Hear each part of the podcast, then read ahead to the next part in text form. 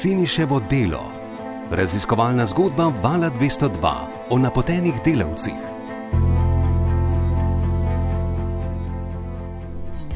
Uh, dober dan, moje ime je Maja Ratej. Pozdravljeni, jaz sem Luka Hvalc. Skupaj s kolegi sva več mesecev spremljala usodo Siniša Marinkoviča, 50-letnega delavca iz revnega dela Bosne in Hercegovine, ki ga je razvoj popolnoma obšel. Zdaj, tisti, ki nas poslušate že uh, vse od začetka, potem veste, da je Siniša pred desetletjem približno prišel v Slovenijo v lovu za boljši zaslužek. Uh, kot smo ga potem spremljali, je najprej obnavljal samostan v okolici Ljubljane. Plačilo je bilo nizko, a redno je pripovedoval, potem pa je želel zaslužiti več, tako se je zaposlil pri podjetju iz okolice Celja. Na, na internetu sem našel uh, ponudu jedne firme iz Celja, firma se zove Sam, Sam Plesk.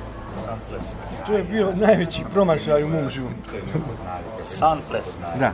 Podjetje Samplesk s Sinišim kolegom, po njihovem mnenju, ki ga seveda podkrepijo z urniki dela, dolguje vsakemu po več tisoč evrov. Ne samo to, delavci so prebivali v najmogočih pogojih, skladišča na onesnaženem območju stare cinkarne v celju.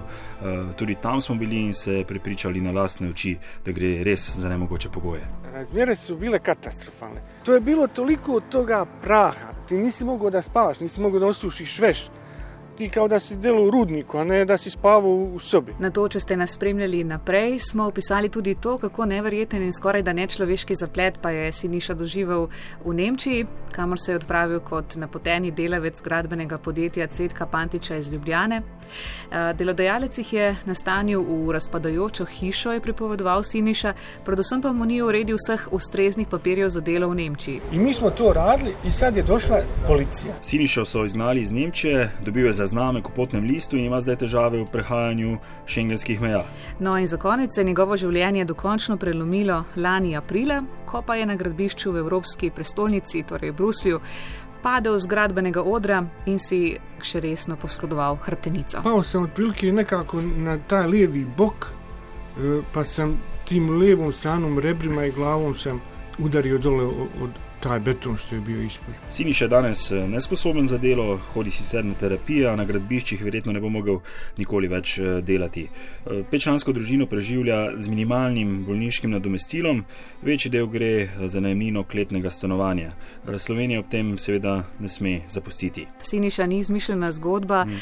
Siniša prav tako ni pseudonim za koga, gre za realnega človeka in je obenem zgolj nekako simbol in pa reprezentacija številnih napotenih delovcev, ki jih prebrisanost delodajalcev, pa neučinkovit nadzor in obenem tudi splet okoliščin in pa tudi njihova naivnost tukaj, tudi tega ne smemo spregledati. Vse to skupaj jih je pahnilo na rob preživetja.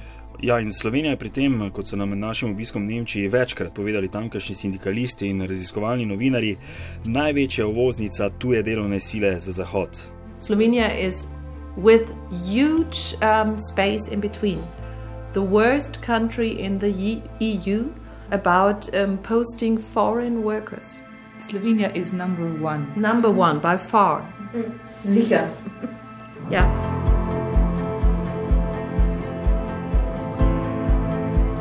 Kaj bomo torej ob vseh teh jasnih dejstvih in očitnih skoraj da sistemskih kršitvah zakonodaje torej spremenili? Bodo birokratski mlini bolj učinkoviti? Zakaj, na primer, ne reagirata Nemčija in Evropska unija? S konkretnimi ugotovitvami in vprašanji sem šla pred kratkim najprej preverjati na Inšpektorat Republike Slovenije za delo. Tam pravijo, res iz leta v leto prejmejo več prijav in obravnavajo več kršitev pravic delavcev, tako državljanov Slovenije kot tujcev. Smo pa samo v letu 2016 ugotovili 246 kršitev pravic delavcev, ki so napoteni na delo iz Slovenije. Se pravi, to bi jaz rekla, da je velika številka. To se meni zdi velika številka. 246, pri 246 delodajalcih smo ugotovili kršitve, gre pa predvsem za kršitve 208. in 209. člena ZDR, kjer ta zakon predpisuje, kako mora biti urejeno razmerje tega delavca, ki ga delodajalec napotuje v tujino. Gre za to, da mora delodajalec pač imeti več specifik, da so to specifične pogodbe, pogodbe o zaposlitvi, v katerih seveda morajo biti urejeni vsi te elementi, ki se pojavijo pa potem pri čezmejnem delu. Glavna inšpektorica za delo Nataša Trček prikimava, da se število nečednih praks ne zmanjšuje, a da je nekaj več kot 40 glava ekipa inšpektorjev premajhna, da bi lahko sledila vsemu in vsem kršitvam. Mi seveda imamo pristojnost kot inšpektorat na ozemlju Republike Slovenije in to mora biti jasno. Mi ne moramo v tujino in tam nadzirati, kaj se dogaja. In zdaj eh, seveda mi zadeve nadziramo na ta način, da ko dobimo recimo neko prijavo nekoga, ki je pač na delu v tujini, eh, potem nadziramo domačega delodajalca, vkolikor ga seveda dobimo. Velike težave so v teh primerih, kjer recimo dejansko gre tukaj za tiste nepoštene delodajalce, ki so uh, spostavili neko, bomo rekli, zelo slabo prakso. Obstajata dve, dva tista večinska načina, uh, na katera recimo delodajalci potem izkoriščajo delavce v teh primerih.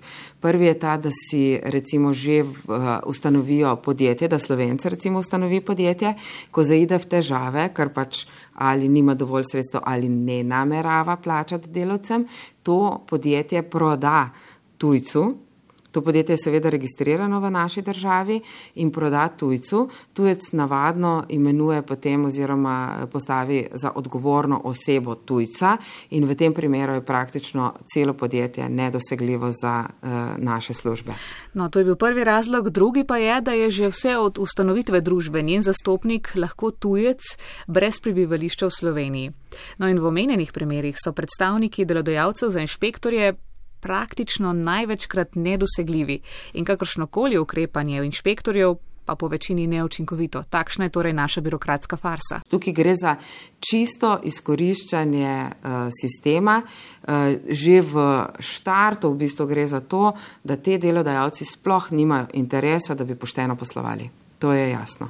Za pet let zamujamo z učinkovitim nadzorom in spremembami zakonodaje. Za pet let smo prepozni, pa je pripričan Marko Tanasič, sodelavec za migracije in delovna razmerja pri Zvezi svobodnih sindikatov, ki zdaj skupaj z nemškimi sindikati vodi tudi kompetenčni center za napotene delavce. Ja, no in težave ne, pri kršitvah teh pravic delavcev, napotenih v tujino, se začnejo že serijskim uradnim podeljevanjem obrazcev A1. Ne, ti so nujni in potrebni za napotitev v tujino in ta narekovajih serijskost je iz leta v leto bolj opazna. 2015 na 2016 je število izdanih obrazcev zraslo z 125 tisoč na 146 tisoč.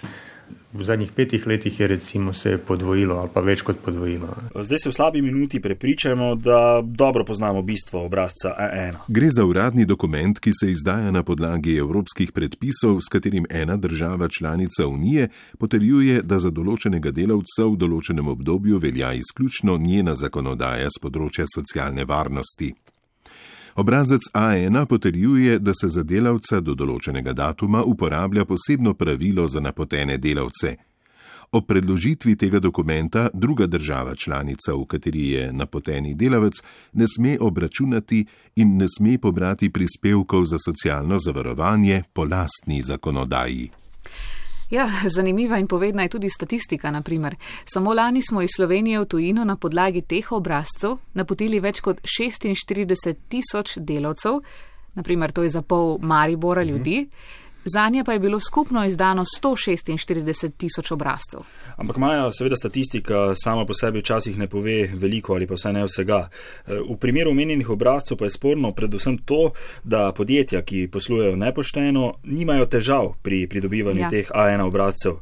Torej, tudi če imaš blokirane račune, če ne izplačuješ plač, kar smo slišali v naši zgodbi, pa tudi prispevki so večkrat vprašljivi, še vedno dobiš ta Tako. želeni obrazec in s tem seveda odprto pot da svojo delovno silo legitimno pošlješ tujino. Marko Tanasič. Ja, v letu 2015, pa že prej, smo imeli kar nekaj podjetij, ki so, im, ki so imela blokiran račun ali pa niso imela sploh računov prijavljenih v Sloveniji. Zdaj se trend nekako kaže, da je teh podjetij v tem seznamu največjih napotovalcev manj. Prej smo jih imeli recimo znotraj prvih 500 jih je bilo okrog 12%. Eh, v 2016 se je stvar nekoliko umirila, bi rekel, Čeprav se še vedno najde kakšno podjetje med temi največjimi, ki so daljšni dolžniki, blokirani pa imajo račun recimo odprt v, v tujini, tam, kjer ga še vedno ne moremo blokirati. Kako je to sploh mogoče, ne, da se goljufom tako verižno izdaja te famozne obrazce? To sem se recimo vprašala ne, in sem šla kot govornim za njihovo izdajanje, namreč te obrazce izdajo na Zavodu za zdravstveno zavarovanje Slovenije. Um, Klemen Ganziti, ki je direktor področja za urejanje zavarovanj in pa za mednarodno zdravstveno zavarovanje pri torej Zavodu za zdravstveno zavarovanje Slovenije, pravi, da krivda ni njihova. Dejansko je problem v tem, da pri izdaji obrazca A1 ni egzaktno bilo predpisano in nikoli in zakonsko določeno, da mora delodajalec imeti izplačene plače, da mora plačevati prispevke za socialne zavarovanja in da ne sme izvajati nikakršnih kršitev delovne pravne zakonodaje. Nismo pa imeli možnosti neke zakonske podlage za zavračanje teh spornih primerov, če lahko tako se izrazim, se pravi, ko se nekako ugotovi, že, da delodajalec ne izplačuje plač, da ne plačuje prispevkov, da krši se prav delovno pravno oziroma finančno zakonodajo. To nam bo pa zakonodaja z novim letom omogočala, tako da bomo take najbolj sporne primere, v katerih omenjate iz Nemčije, preprečili. Inšpektor je torej premalo, eh, ključni izdajatelj spornih obrazcev krivdo prelaga na zakonodajno okolje, sindikalni predstavniki pa seveda zmajujejo z glavo, da smo z ukrepanjem že zdavnaj, zdavnaj prepozni. Ja, takšen bi lahko bil torej sklep oziroma povzetek pravkar slišanih ugotovitev eh, in izjav vseh teh naših uradnih predstavnikov oziroma predstavnikov birokracije. No, ampak s 1. januarjem prihodnje leto sicer začne veljati zakon o čezmejnem izvajanju storitev, ki pa naj bi vendarle zajezil izdajanje potrdil A1 tistim delodajalcem, ki ne izpolnjujejo pogojev za čezmejno izvajanje storitev. A vendar je že tudi tu dilema, ne? Tako, ja, ker sogovorniki niso povsem prepričani, ali bo vse skupaj res delovalo. Uh -huh. uh, tole, na primer, ugotavlja glavna inšpektorica za delo. Skrbi me, da tisti, ki pač nameravajo poslovati nepošteno, bojo tudi v bodoče poslovali nepošteno. Vsaj malo pa se premika tudi v Bruslju. Evropska komisija je pred letom dni predstavila reformo direktive o napotitvi delavcev, s katero želi zagotoviti poštene plačne in enake konkurenčne pogoje med podjetji, ki delavce napotijo na začasno delo v drugo članico in pa lokalnimi podjetji v gostiteljici. Ja, zanimivo pa je, ne, to direktivo sem spremljala predvsem lansko leto, ne, da pa vendarle ni požela toliko odobravanja strani nacionalnih parlamentov oziroma držav Evropske unije in da so uporabili, eh, za kar se redko odločijo, poseben vzvod rumenega kartona, s čimer so se takole eh, rekoč uprli Evropskemu parlamentu. Namreč, ker parlamenti enajstih držav članic so se povezali skupaj in z rumenim kartonom potrdili, da to vrstne direktive ne želijo, ker po njihovem uvira konkurenčnost. In to so naprimer države Češka, Slovaška, Poljska, Mačarska, Hrvaška, Romunija, Bolgarija. Ne? Kaj ti to pove, Luka? To so po večini države. Seveda, kjer imajo gastarbajterje v Nemčiji, če se tako. Zelo ki, ki, nekako, ki nekako predstavljajo tisti ključen vir poceni delovne sile za preostale evropske države. Kaj pa Slovenija? Slovenija zanimivo pa. Slovenskega parlamenta oziroma Slovenije ni med temi državami, je pa zanimivo, da se je potem nekaj mesecev zatem oglasila gospodarska zbornica Slovenije in sicer z zelo podobno izjavo, čež da bi predlagana reforma tudi po njihovo ovirala nemoteno delovanje enotnega trga. Torej zelo, lahko vidimo, ne? Zelo lepo se lahko to kam, zapakira. Ne? Kam pa staco moli pri vseh teh državah. Ne? Zdaj komisija sicer ustraja eh, pri svojem, ampak eh, očitno je nemočna. Eh, podpredsednica odbora za zaposlovanje in socialne zadeve v Evropskem parlamentu Marita Ulfskog se je v intervjuju za naš radio v Strasburu zauzela za enake pogoje dela in enako plačilo. Equal pay for equal work at the same place. And why should someone coming from the eastern part of Europe uh, be forced to sell all that knowledge? Uh, Pomembno je vprašanje enakega plačila za enako delo. To je osrednji del problema. Znanje prodajamo. Zakaj bi nekdo iz drugih delov Unije delal za manj? Je to način, kako presežemo konflikte? Ne, na tak način jih ustvarjamo. Za me je pomembna pravičnost, ne konkurenčnost. Yes, it's, uh, it's so unfair that uh, the, the worker uh, is the one who is. Uh, Na koncu so vedno delavci, ki potegnejo najkrajšo. Nepravično je, da je delavec tisti, ki za nastale težave prestreže največji del krivde in stroškov. Delodajalci pa jo ponavadi odnesejo brez hujših pretresov. Če bi imeli ustreznejšo zakonodajo in direktive za urejanje tega področja, bi se delodajalci veliko bolj zavedali svoje odgovornosti. To, da ne bi sledili zakonodaji, bi bilo za nje preprosto preveč drago.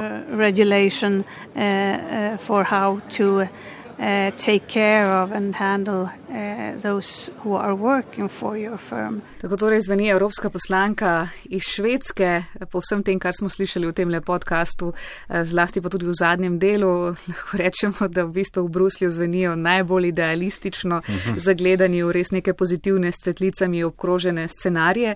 Namreč po njenem bi problematiko odpravila le enotna in strani držav članic podprta zakonodaja na celotni evropski ravni, pa kot vidimo se to še kar nekaj časa ne bo zgodilo, uh, kajti po njenem brez osrednjih evropskih vzvodov in predpisov vse skupaj nima smisla, je bila jasna, ampak se, kot pravima, ne, to še kar nekaj časa, glede na voljo nacionalnih držav, glede na to, da stremijo predvsem po temu, da bi bile še naprej konkurenčne svoje delovno silo, najverjetneje ne bo tako kmalo mogoče. Maja zelo podoben odgovor si dobila tudi v Nemčiji, ne?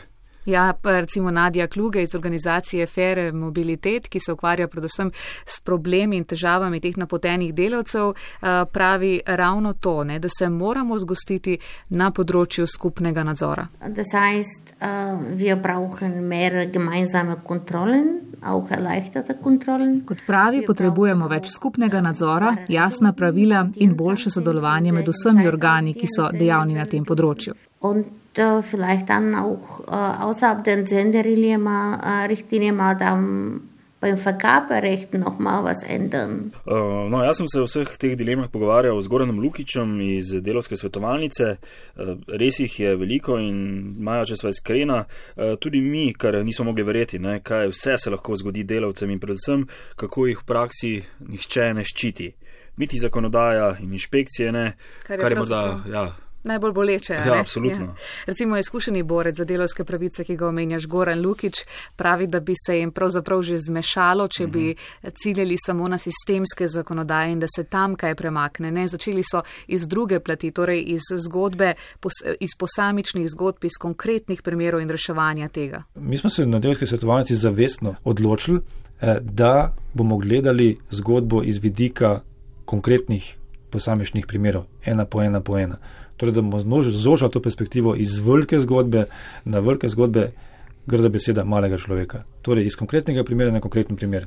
Tudi tam so frustracije, seveda, ko se soočaš konkretno z sodišči, eh, z pač postopki, z nadzorniki, ampak vidiš, da se stvari premika na konkretni ravni, torej korak po korak. Ja, uh morda tudi dober življenjski nasvet Gorana Lukiča, ampak ravno ta perspektiva malega človeka je najbolj presunljiva. Eh, če bi nacionalni in evropski mlini slišali pripoved Siniše in njemu podobnih, bi se morda kaj hitreje vrteli, morda bi pa Siniše morali povabiti v Strasbourg ali pa v Bruselj oziroma njemu podobne. Ja, Siniša je sicer či, svoj čisto prvi pogovor z nama ne, na kavi uh, sklenil s takšnim provokativnim vprašanjem. Prav spomni se, da smo se že skoraj da pobirali iz tiste kave. Ja. Pa rekel, čakajte, čakajte, samo še tole moram povedati. Ne. Uh, in sva nekako obsedela in se zagledala van, kaj bo povedal. Ne. In potem je začel s tem, da je ravno v tistem času odmeval primer eh, mučenja psov na televizijah, naših televizijah, eh, po večini so informativne oddaje, eh, svoje termine začenjale torej s to zgodbo. No, on si je v bistvu zaželel samo to, da bi tudi njemu podobnim in njegovim otrokom kdaj naši mediji namenili takšno pozornost. Ja, kažem, je može, da moje troje djece, da se bar tretiraju kao ta četiri psa. I oni nemaju šta da jedu, razumiješ? Bukvalno su matletirani, ne mogu da se školuju, ne mogu da finansiraju školovanje. Ja, zelo kruto zveni ta primerjava, čisto za res. Um, ampak uh, Luka se je od tedaj, ne, kar po nekaj mesecih, torej kar spremljamo Siniševo zgodbo, kaj je spremenila njegova perspektiva, zlasti zdaj, ko je nekako podcast že zunaj, ko je zaokrožil med ljudmi. Kaj ti sporoča, kaj Siniša si ga videl, slišal kaj zadnje čase? Slišala sva se pred dnevi in moram reči, da je bil Siniša po dolgem času spet nekoliko boljše volje. Tudi seveda zato, ker mu je zdaj nekoliko lažje, vse iskreno in odkrito zaupal svojo zgodbo širši javnosti. Pravi, da je prejel veliko pozitivnih odzivov svojih, prav tako žal izkoriščenih sodelavcev in seveda vsi nekako potihem še vedno upajo. Ne? Zanimivo, kakšen optimizem jih preveva kljub vsej tragediji, ki se jim je zgodila. Torej upaj, da bo ta konkretno predstavljena zgodba morda spremenila tudi kaj sistemsko. Torej, da bodo uh, njihovi kolegi, ki še danes delajo po gradbiščih v Sloveniji in v Evropski uniji, vendarle pošteno plačani. Ja, omenjaš sistem. Sama sem med snovanjem te zgodbe večkrat razmišljala, kje bi morali pravzaprav zarezati in narediti ključne korake v sistemu. Ne? Slišali smo, da Evropa skuša nekaj spremeniti, spre, sprejeti strategijo in da ni najbolj uspešna. In po vsem, nekako po vsem videnem, po vsem slišanem ugotavljam, da so dejansko na poziciji nacionalne države, nacionalni parlamenti, torej da ukrenejo in storijo tisti korenit korak naprej. Lahko skoraj da apelirava ne? Ja. tudi na naše, na naše nekako oblasti. Morda bi se... prav v Sloveniji morali biti uh, zelo zaskrbljeni, tudi politiki. Ne? Naziv naše države kot največje uvoznice tuje delovne sile za Zahod, uh, kot so nam večkrat povedali v Nemčiji, je vse preko lasko. Meni je kar malce nerodno. Ne? In kar je pravzaprav zanimivo, je, da se, da se nihče temu nazivu niti ne upira, kaj pretirano. Ne? Ko sem ne. se pogovarjala z njimi, ne. dejansko prikimavajo, zavedajo se tega, ampak kot smo lahko slišali v tem prispevku, seveda samo pasivno valijo krivdo drug iz drugega. Morda bi bil prvi korak že to, da se um, dejansko kakšen inšpektor napoti na ekskurzijo na delovsko posvetovalnico. Recimo, ne, ti si tam eh, preživela nekaj ur, uh, tudi sam sem bil nekajkrat in tam so zgodbe, ne vem, če bi inšpektori naložili uh, v avto, recimo te delavce in odšli do teh podjetij, morda se jaz malce preveč naivno predstavljam, ne bi lahko zaprli par uh, teh preveranskih firm na dan. Delovska posvetovalnica, ki je torej dela Goran Lukič, vsakič, ko sem bila tam, so gostili na kupe ljudi, ki so prihajali tja s takšnimi in drugačnimi zgodbami, klicali tja s svojimi problemi. Uh, tako da je res veliko materijala za kakšnega potencijalnega inšpektorja, morda tudi na mig za njih. Majo meniti moramo tudi, da smo na odmevno serijo podkastov Siniševo delo prejeli tudi številne odzive, tako na družabnih omrežjih kot po telefonih. Večina se je seveda zgražala nad tem, kako predvsem gradbena podjetja ravnajo z delavci in torej kako se inšpekcija, država in tudi Evropska unija ne zganejo. Ampak ni vse tako črno, ne? niso vsi delodajalci slabi delodajalci, to je tudi treba povdariti. Zagotovo ne, ne. med klici je bilo tudi nekaj uh, jeznih uh, delodajalcev, ki pravijo, torej ravno to, ne? da oni spoštujejo zakonodajo, ter da tudi napotene delovce tujino pošteno plačujejo. In namignili so ne tako med vrsticami, da gre pri teh slabih delodajalcih, predvsem za slovenska podjetja, katerih lastniki izhajajo iz držav nekdanje Jugoslavije. Ja, recimo pospraševati res, da kaj pa da ne moremo. Ne? Mhm. Na primer, vsi ni še lahko ugotovimo, da podjetnika, naprimer, ki sta ga napotila na delo v Nemčijo, in pa v Belgijo, uh mhm. -huh. res izhajata iz držav nekdanje Jugoslavije in tudi Siniša priznava, da sistem pravzaprav deluje na podlagi nekih nacionalnih bratskih povezav, skoraj da ne. Predvsem pri novačenju delavcev v Bosni in ja. Hercegovini je dobro imeti lokalne povezave, saj tako najlažje prepričati ljudi, da se odločijo za pot proti Evropski uniji. Eh, res bo tudi, da delavci bolj zaupajo svojim sonarodnjakom, eh, kar pa seveda ne pomeni, da jih ti ne bodo skušali pretentati. Seveda ne vsi, eh, mnogi pa, kot slišimo, prav gotovo.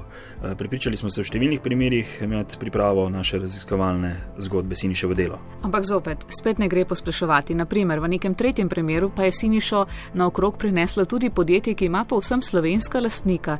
Torej je na nek način nesmiselno nadocevati samo o nekih narodnostnih ozadjih. Ne, ne, ne glede na lastnike, vsa gradbena podjetja pri nas so registrirana po slovenski zakonodaji in morajo spoštovati slovenske predpise. Ne če jih ne bi jih morali kaznovati in jim preprečiti poslovanje, ne pa da še naprej morda z uradno drugim lasnikom izkoriščajo delavce in jih celo napotujejo naprej na delo v Evropsko unijo. Ne?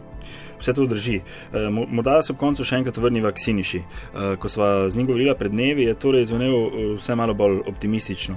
Eh, ponovno se je zbližal tudi z družino, eh, upa, da bo najstarejša ščirka kmalo končala medicino v Beogradu in eh, prispevala v družinski proračun. Seveda sanja, da bi odšla na delo v Slovenijo, še raje v Avstrijo, morda Nemčijo in s tem bi zagotovo rešila eksistenco družine.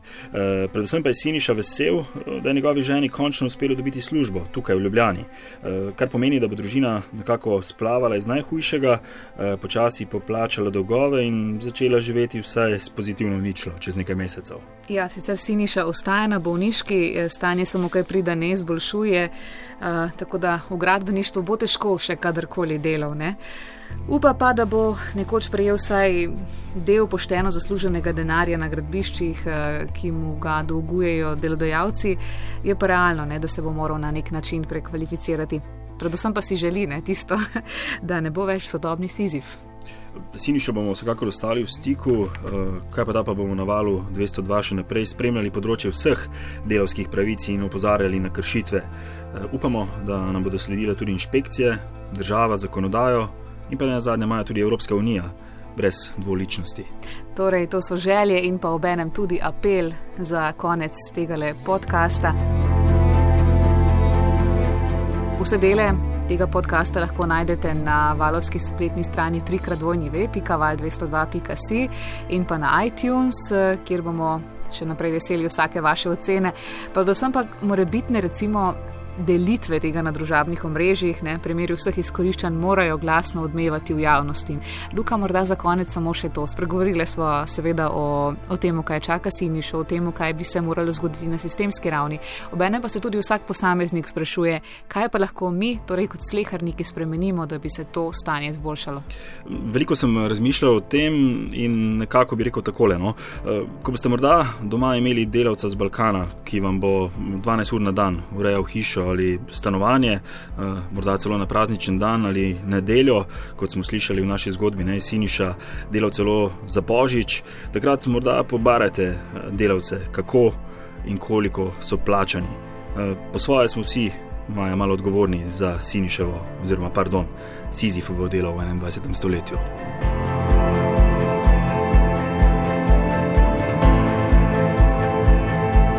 Zgodba Siniševo delo je nastala o podpori programa Reporters in the Field, organizaciji Robert Bosch Stiftung in šole novinarstva v Berlinu. Novinari, raziskovalci in producenti Luka Hvalc, Maja Ratej, Gašper Andrinek, Anja Hlača Ferjančič, Jan Grilc in Gorast Rečnik. Medijska hiša RTV Slovenija. Drugi program Radia Slovenija. Val 202.